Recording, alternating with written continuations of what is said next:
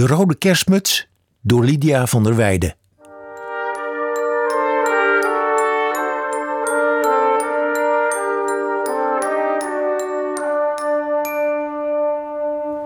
Sinds hij de rode muts droeg, was de wereld veranderd. De mensen groeten hem ineens, zagen hem nu wel zitten, daar op zijn vaste bankje in het park.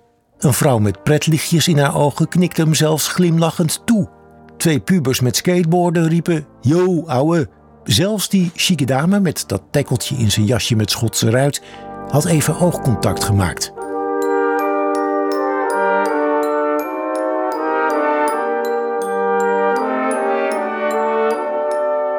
Die ochtend had hij hem gevonden toen hij in alle vroegte naar zijn stekkie slofte. Een rode wollen muts met een randje bont. Op de top een witte pompon.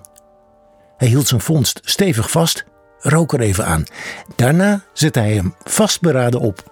Vervolgens tilde hij een shopper uit zijn winkelwagen en trok er een haveloze deken uit. Wat nou klimaatverandering? Hij vond het akelig koud. Tijd voor een blikje.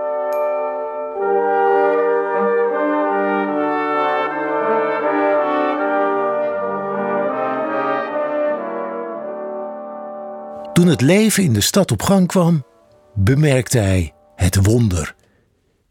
Niet alleen vielen hem lachjes en knikjes ten deel, ook stopte een man hem een tientje toe. Een oud vrouwtje bracht hem een kommetje warme soep.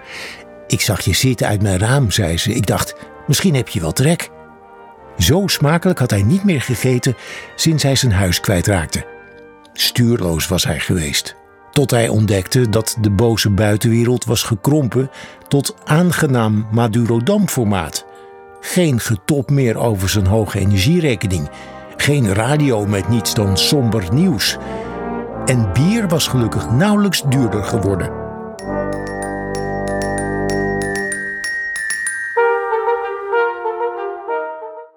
Hij was net ingedut toen hij wakker schrok van een hoge stem. Meneer, een blond ventje stond naar hem te staren. Jij hebt mijn muts op. Zijn ogen werden groot. Hij greep naar zijn hoofd. Nee, het verlies van zijn huis, daar zat hij niet mee. Maar deze tovermuts, die wilde hij niet kwijt.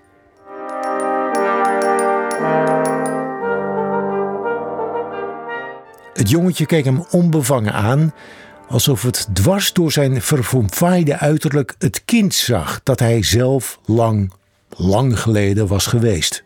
Niet schrikken hoor, mag hem houden, zei het ventje toen. Mama heeft mij toch al een nieuwe beloofd. Je mag deze hebben. Ze horen bij elkaar en het gaat sneeuwen vannacht. Het jochie reikte hem een rode sjaal vol witte pomponnetjes aan.